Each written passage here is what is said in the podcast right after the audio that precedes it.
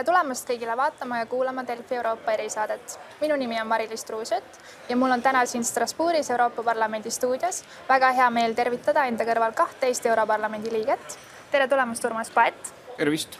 ja tere tulemast, Sven Mikser. tere.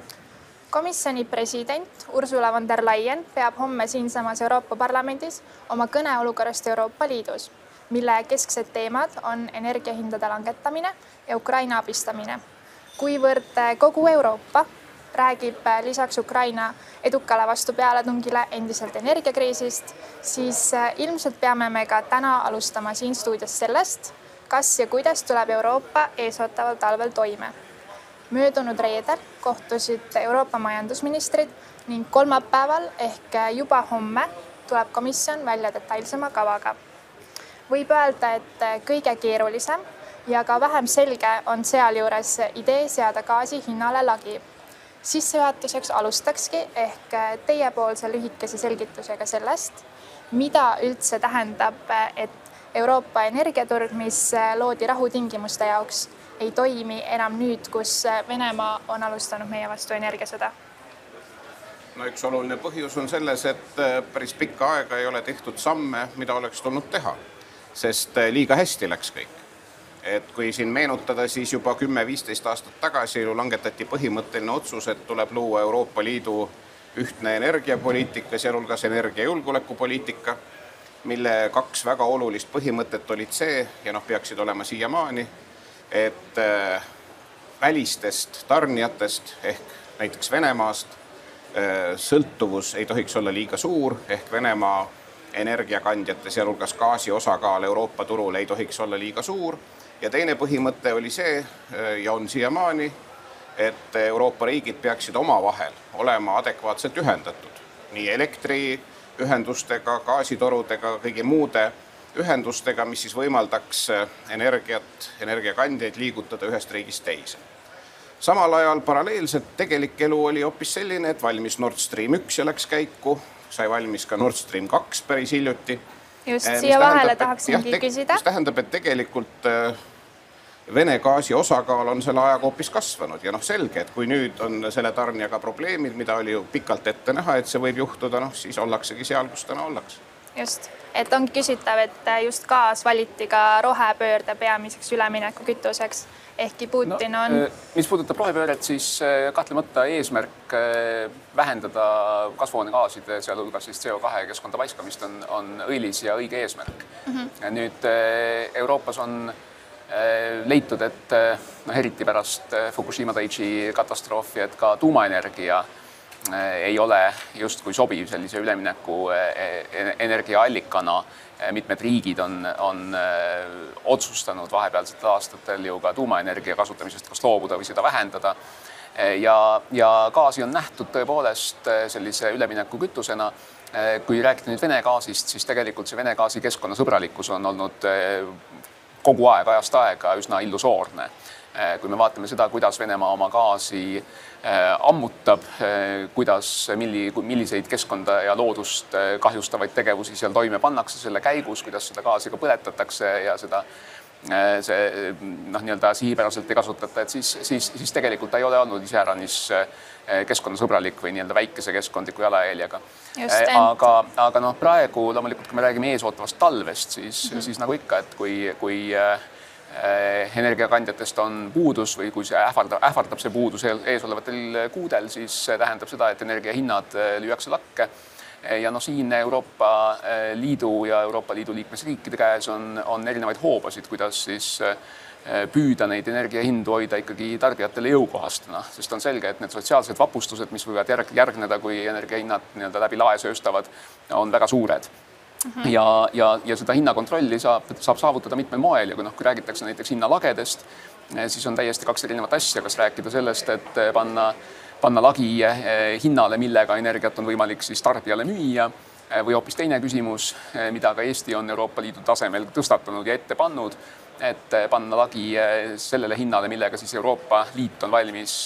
välistelt tarnijatelt gaasi või teisi kütuseid ostma. ja siit ma tahaksin sealhulgas, Venemaalt. noh, praegu tundub juures... nende, noh, eks me kuuleme homme Ursula von der Leyenilt täpsemalt, aga praegu hetkel tundub, et, et liikmesriikide vahel seda konsensust, et panna siis Venemaalt ostetavale gaasile hinnalagi mm, ei ole ja seetõttu võib eeldada, et komisjon tuleb välja mingisuguse muu lahendusega Eh, noh, näiteks eh, siis täiendava maksustamisega neile, neile ettevõtetele, kellel on rekordsuured kasumid tänu kõrgetele energiahindadele, et siis seda, seda maksutulu jällegi jaotada ümber ja selle kasutada selleks, et, et aidata neid kõige tundlikumaid tarbijaid mm. -hmm. nii, nagu te ise just ütlesite, siis on äärmiselt ebatõenäoline, et Vene gaasile eraldi võiks kehtestada hinnalae, ent mängime siiski korraks selle mõttega et äh, tegelikult tähendaks see teiste sõnadega, et kuulutatakse välja embargo ja on üsna kindel, et selle tulemusena kaoks meie turult kogu Vene gaas. mida see tänase seisuga Euroopas tähendaks, kas me oleksime selleks valmis? noh, kõigepealt äh, muidugi natukene kentsakas on kogu see tohutu paanika, mis praegu on selle Vene gaasi ümber tekkinud, sest kui me meenutame alles mõni kuu tagasi, kui Venemaa alustas uut sõjalainet Ukraina vastu veebruaris siis üks esimesi mõtteid, mida paljud välja ütlesid, et tuleb lõpetada Venemaalt nafta ja gaasi ostmine. ehk Euroopa Liidu paljud eh, nii riigid kui riikide juhid ütlesid ise, et tuleb lõpetada gaasi ostmine. noh, selles kokku ei lepitud, seda ei tehtud. ja nüüd, kui on vastupidine olukord, et Venemaa ise vähendab äh, oluliselt gaasimüüki Euroopasse, siis on nagu justkui mingi tohutu eh, paanika lahti, kuigi noh, kui oleks kohe otsustatud nii, siis seda Vene gaasi ju tegelikult juba ei oleks mitu kuud pidanud üldse enam Euroopas olema, et noh, see on ka jälle näide sellest, kuidas nagu jutt ja tegelikkus on omavahel väga suures või väga eri pooltel. aga noh, mis edasi saab, siis ega siis see kõik, mida me näeme, on väga inimlik, et mingisugune suurem jama peab juhtuma ja noh, siis hakatakse liigutama, olgugi et paljusid asju oleks tulnud teha juba tükk aega varem. ent kas me no, saaksime praegu siis äh, ilma Vene gaasitarneteta tuleval talvel hakkama? no küll saab jah, et selles mõttes, kui vaadata täna gaasivarusid Euroopa riikides, siis need äh, mahutid on ju täis seal suurusjärgus kaheksakümmend, kaheksakümmend viis, isegi kohati üheksakümmend protsenti äh, on tegemisel ja tehtud uusi lepinguid kolmandatest riikidest tarnijatega, mis tähendab ka seda, et tegelikult see ei ole ainult nii-öelda lähiaja küsimus, vaid Venemaa ikkagi ka täna lõikab omale väga sügavalt jalga sellega, et kui riigid teevad vahepeal ära uued gaasitarnelepingud juba kolmandate osapooltega, eh, noh siis ka Vene gaasil siia turule sellises mahus ka tulevikus, isegi kui olud peaksid muutuma, enam nii palju asja igal juhul ei ole. nii et eh, on uued lepingud, on eh, noh, ka ütleme siis vaadata siin arutelu tuumaenergia üle, eks ole, kas ja millal mingeid tuumajaamu näiteks suletakse või lükatakse neid edasi. Äh, on käivitatud ka ütleme siis vanakooli elektrijaamu, äh, noh küll fossiilkütustel, aga need alternatiivid noh, tegelikult muidugi on olemas lühiajaliselt, aga noh, pikaajaliselt äh, et see olukord oleks tulevikus teistsugune, noh nüüd pärast seda suurt ehmatust loodetavasti hakkavad asjad ka põhimõttelises suunas liikuma mhm. lisaks sellele, et siin mõndade tuumajaamade eluiga Äh, pikendatakse. Äh, peame tuumaenergiast äh, rääkides ilmselt peatuma ka Venemaal et lisaks sellele, et kogu maailm vaatas siin hiljuti abitult pealt, kuidas Vene sõjavägi tulistas mürskudega Euroopa suurimat tuumajaama, kuulub tuuma, tuumaenergeetika samuti Vene geopoliitilisse arsenali. et nüüdseks ligi viisteist aastat on Vene riigile kuuluv Rosatom loonud endale maailmaturul konkurentsieelist ja ehkki ettevõtet juhitakse otse Kremlist, on see jäänud puutumata sanktsioonidest. Äh, Ungari otsustas veel hiljuti, et jätkatakse Vene laenuga rahastatavat tehingut, et ehitada Paksi jaama veel kaks reaktorit. et kuidas peaksime Euroopas sellesse suhtuma? no see äh, Venemaa äh, võime kasutada kõikvõimalikke erinevaid poliitikavaldkondi, sealhulgas loomulikult energeetikat eh, oma poliitilise mõjuvõimu laiendamiseks ja poliitiliseks šantaažiks. et see ei tohiks kedagi üllatada, see on olnud aastakümnete pikkune praktika ja ei, ei ole tegelikult tulnud Vene arsenali mitte eh, siis selle viimase, viimase rünnakuga Ukraina vastu eh, ka, ka Ukrainast, Ukrainat ennast on ju Venemaa ka minevikus korduvalt šantažeerinud näiteks gaasitransiidi abil et eh, noh, tuumaenergeetika selles mõttes ei, ei seisa kuidagi eraldi muudest energiakandjatest ja, ja, ja kui me räägime nii-öelda Euroopa sõltuvuse vähendamisest Venemaast, siis, siis kahtlemata eh, ja, ja noh, seda on tegelikult kajastanud ka Euroopa Parlament oma varasemates resolutsioonides. Eh, kahtlemata tuleks vähendada nii sõltuvust nii fossiilsete kütuste kui ka, kui ka siis tuumakütuste osas Venemaast see, et Ungari valitsus on on käimas teist jalga suuremast osast ülejäänud Euroopast, ei, ole samuti väga suur üllatus. et noh, iseasi on see, et tõepoolest nendes valdkondades, kus Euroopas kehtib siis konsensuslik otsuse langetamise põhimõte, piisab ühest, et, et seda konsensust blokeerida, et selles mõttes Euroopa Liit paljudes valdkondades toimib nii-öelda nõrgima, nõrgima lüli põhimõttel aga, aga kahtlemata eh, noh, tuumaenergeetika teatud mõttes on, on eh, selline üleminekulahendus ainult seal, kus need võimsused tänaseks juba eksisteerivad. et Saksamaa otsus eh, kahe tuuma, tuumajaama siis eluiga pikendada on kahtlemata selles mõttes samm, mis, mis aitab nii-öelda sellest akuutsest kriisist üle saada. aga kui me räägime nii-öelda täiesti uute võimsuste rajamisest sinna, kus neid täna ei ole, siis, siis see on, on noh, väga pika vinnaga asi ja see kindlasti meid eeloleval talvel energianappuse ja kõrgete energiahindade eest ei kaitse. et küll aga noh, näiteks kui me vaatame nii-öelda teisi, teisi energiaallikaid gaasi kõrval, noh siis võib öelda, et kuna, kuna ka, ka teiste energiakandjate, teiste energiaallikate Eh, hind on väga otseses sõltuvuses gaasi hinnast, eh, siis, siis näiteks ka päikeseenergia või tuumaenergia tootjad on sellel aastal eh, nii-öelda saanud rekordilisi, rekordilisi kasumeid, kordades, kordades suurema, suuremaid tavapärasest. ja on öeldud, et ega need kasumid ei tulene tegelikult mingisugustest väga kavalatest, tarkadest või ettenägelikest investeerimisotsustest, et need on tegelikult kaasa toodud ikkagi just nimelt sellest nii-öelda ettenägematust asjaolust Venemaa sõjast Ukraina vastu ja seetõttu noh, sellise kasumi täiendav maksustamine selleks, et seda sotsiaalset kriisi ennetada ja, ja leevendada, ma arvan, on igati põhjendatud. ent ma tahaksin äh, siiski jätkata siit hoopis Ungari teemal ikkagi. Sanna Marin ütles siinsamas Europarlamendis mõned tunnid tagasi, et Venemaa tegevuse tulemusena on läänemaailm ühtsem kui eales varem ja me peame olema valmis kehtestama ka uusi sanktsioone ent äh, alles eelmisel nädalal jõudis siis meediasse info, et äh, Orban õõnestab taas ka juba olemasolevaid sanktsioone. oletatakse, et tegelikult soovib Ungari seeläbi liikmesriikidelt võib-olla hoopis mingit muud vastuteenet, näiteks sedasama Vene gaasile ülempiiri kehtestamata jätmist, kuivõrd energiapoliitikat puudutavaid Euroopa Liidu otsuseid langetatakse häälteenamusega. ehk siis seega kasutab Ungari oma vetoõigust seal, kus see on võimalik ja siit küsimus, et eh, kas ühehäälsus välispoliitilistes otsustes on ikkagi jätkuvalt Euroopa Liidu tugevus? et no eks see on eh, alati olnud kahe otsaga asi, et siin eh, ma usun, suurem osa Euroopa Parlamendi koosseisust on, on pidevalt rääkinud sellest, et tuleks üle minna enamusotsustusele ka välispoliitika küsimustes. see justkui aitaks siis kiiremini reageerida keerulistes olukordades. ja, ja, ja teatud nii-öelda idea-, ideaalsetel juhtumitel see võib ka niimoodi olla. Eh, samas ma arvan, et eh, olukord, kus enamushääletusega minnakse üle või mööda eh, ühe või teise riigi siis ka legitiimsetest muredest, et selline olukord kindlasti pikas plaanis võib töötada ka Euroopa Liidu ühtsuse vastu. ja noh, teine küsimus on see, et, et sellises väga sensitiivses küsimuses nagu, nagu siis näiteks Venemaa sanktsioneerimine selle provotseerimata sõja tõttu Ukraina vastu et eh, sellises küsimuses, eh, kui me hakkame langetama enamushääletust, kus me siis nii-öelda sõidame üle teatud riikide vastuseisust, eh, kindlasti muudab väga avalikuks need lõhed Euroopa Liidu sees ja võimaldab neid lõhesid kuritarvitada Venemaal ja teistel pahasoovijatel muul viisil ja, ja see, see võib tegelikult nii-öelda Euroopa Liitu kui sellist äh, lammutada, sest siis ei nähta enam nii palju vaeva näiteks Euroopa Liidu teiste liidrite poolt selleks, et, et Ungari liidrit Orbanit survestada ja, ja teda nii-öelda paati tuua, mistõttu ka tema saab ilmselt vabamad käed ajada seda oma Vene-sõbralikku asja Euroopa Liiduga arvestamata, nii et, et siin on oma plusse ja oma miinuseid, nii et ma arvan, et see tuleks kindlasti põhjalikult läbi kaaluda, et selline kiire otsus, et, et loobume konsensuse nõudest ja ja, ja saame üheskoos kiiremini edasi hakata liikuma, see võib ka tegelikult äh, lõpptulemusena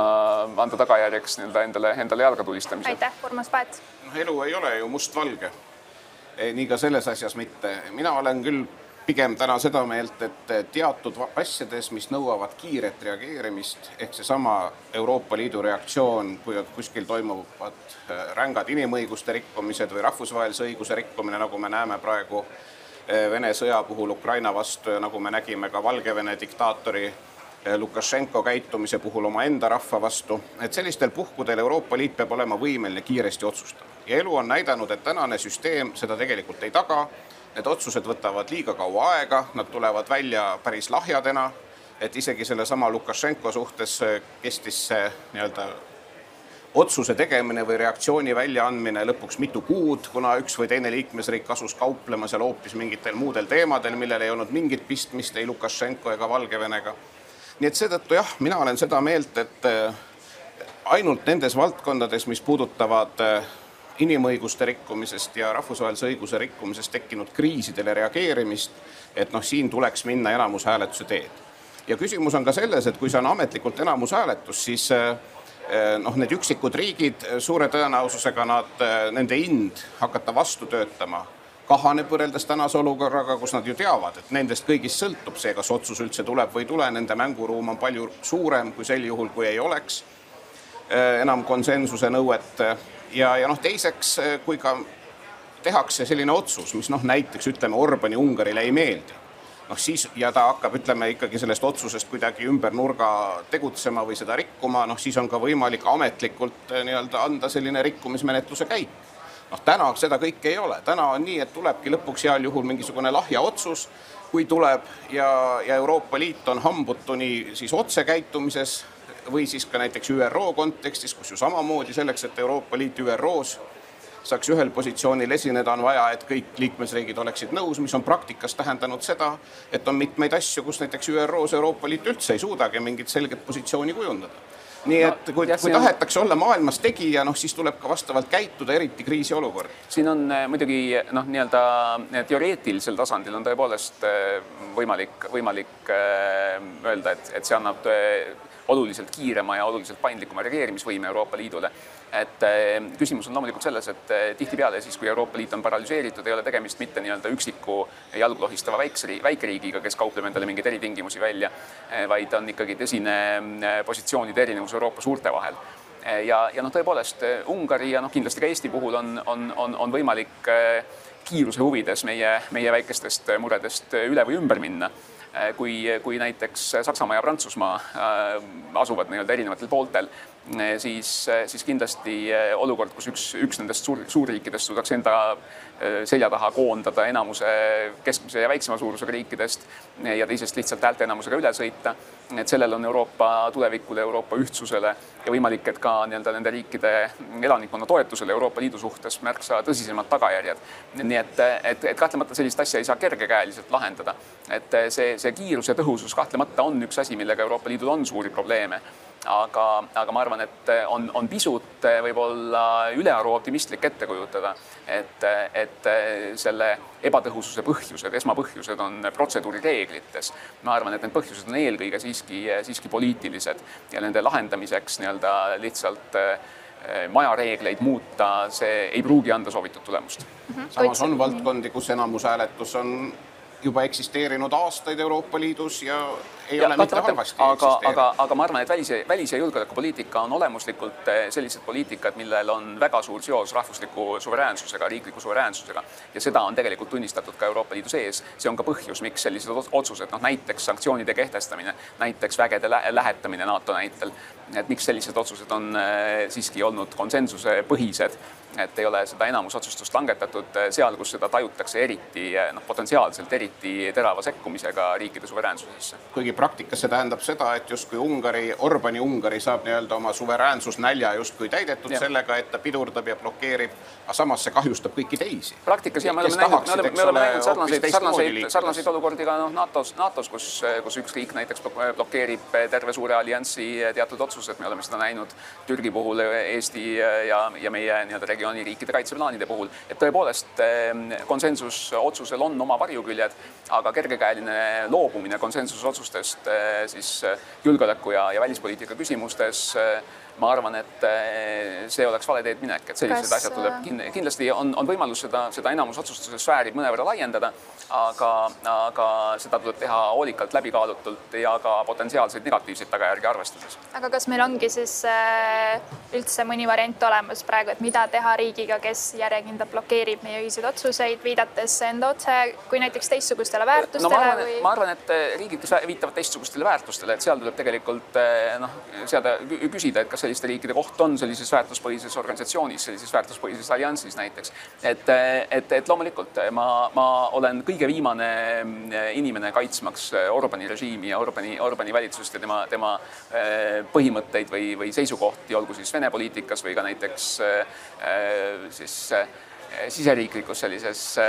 kuidas ma ütleks, õigusriikluse küsimuses. aga, aga eh, noh, siin ei ole tegemist jällegi, see, see ei ole, see ei ole teema, mida oleks võimalik eh, lahendada protseduurireeglite muutmisega. ma arvan, et siin on, siin on küsimus selles, kas, kas Ungari inimesed leiavad, et, et selline režiim, selline riik, selline riigi juhtimine sobib neile ja kui nad seda leiavad, siis kas nad leiavad, et see on ühildatav nende kuulumisega Euroopa Liitu, et see on, see on, see on, ma arvan, see küsimus. et ja, ja noh, ma arvan, et, et loomulikult ka ka püüe seda küsimust lange, lahendada läbi, läbi protseduurireeglite muutmise Euroopa Liidus, mis võimaldab siis süsteemselt ja järjepidevalt eh, Orbani Ungarist üle hääletada, võib anda tulemuseks selle, selle, selle lahenduse, kus ungarlased otsustavad, et jah, sellistel tingimustel nad enam Euroopa Liitu eh, kuuluda ei soovi. Et eh, aga, aga noh, ma arvan, et, et kogu selline, selline lähenemine peab olema eesmärgipärane, süsteemne ja, ja nii-öelda hurraa eh, meetodil lahendada noh, väga põhimõttelisi eksistentsiaalseid olu, eh, olukordi võib anda äraspidise tulemuse, seda on ajalugu tihtipeale näidanud. ja jah, noh, teiselt poolt rääkides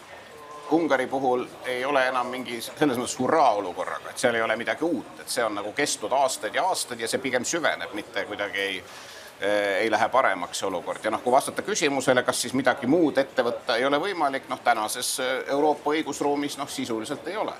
et, et seesama, et kui sul ongi konsensus otsustamine nendes asjades ja üks riik ütleb, et talle ei sobi, noh siis seda otsust ei tule ja kõik ülejäänud kannatavad ja noh, täna nagu sõja puhul kõige rohkem kannatavad ukrainlased. kui Euroopa Liit ei suuda kokku leppida võimalikult rangetes abinõudes Venemaa suhtes nii et, et sellel kõigil on oma hind, et me võime rääkida siin, kui tore on hoida Ungarit, eh, Orbani Ungarit nii-öelda pundis ja lasta tal teha, mis ta tahab, aga sellel on näiteks tänases sõjaolukorras on väga selge tõsine hind ennekõike Ukraina inimeste jaoks, seda tuleb ka vaadata. ja kahtlemata jällegi see loogika, kus eh, noh, öelda, et, et Ungari kasutab neid eh, konsensusotsustuspoliitikaid selleks, et pressida välja midagi valdkondades, kus on enamusotsustus, e-, eks see on ka nii-öelda kahesuunaline tänav, et ka Euroopa Liit saab kasutada Ungari survestamiseks ja Euroopa Liidu liikmesriigid saavad kasutada Ungari survestamiseks neid poliitikavaldkondi, kus konsensuslik hääletamine ei ole vajalik. Ja kui Ungari jaoks ikkagi on, on päris valusad tagajärjed nendel Euroopa Liidu otsustel teistes valdkondades, siis, siis sellel kindlasti on ka oma mõju sellele, kuidas Orban käitub no, ülemkogul. ei ole seda olnud, eks ole no,, pigem see siiski, lugu on läinud no, järjest kehvemaks. eks ole, eks ole nii ja naa, jah, meie vaatevinklist kahtlemata see konsensus on olnud väga nõrk, nagu öeldud, nii-öelda nõrgima ühisnimetaja tasemel samal ajal on, on siiski Euroopa Liit võtnud vastu väga mitmeid eh, sanktsioonide pakette, eh, mis Venemaa ümberrelvastumisvõimet, Venemaa tehnoloogilist progressi väga olulisel määral pärsivad. Ja need on vastu, ja need on vastu võetud eh, konsensuslikult kõigi, kõigi liikmesriikide toetusel, sealhulgas Ungari toetusel, nii et, et jah, seda on, seda on vähem, kui me sooviksime, seda on vähem, kui oleks vaja selleks, et tuua kiire pööre sellesse, sellesse sõtta või veel kiirem pööre, kui see nüüd on aset leidnud. Aga, aga see siiski, see klaas ei ole siiski ka päris tühi aitäh saatekülalistele, vaatan kella ja näen, et meie aeg siin Strasbourgi stuudios on läbi saanud, igatahes on meil põnevad, ent ka väga keerulised ajad. Äh, ja aitäh ka teile, kes te kuulasite, järgmise korrani. aitäh huvi eest, head päeva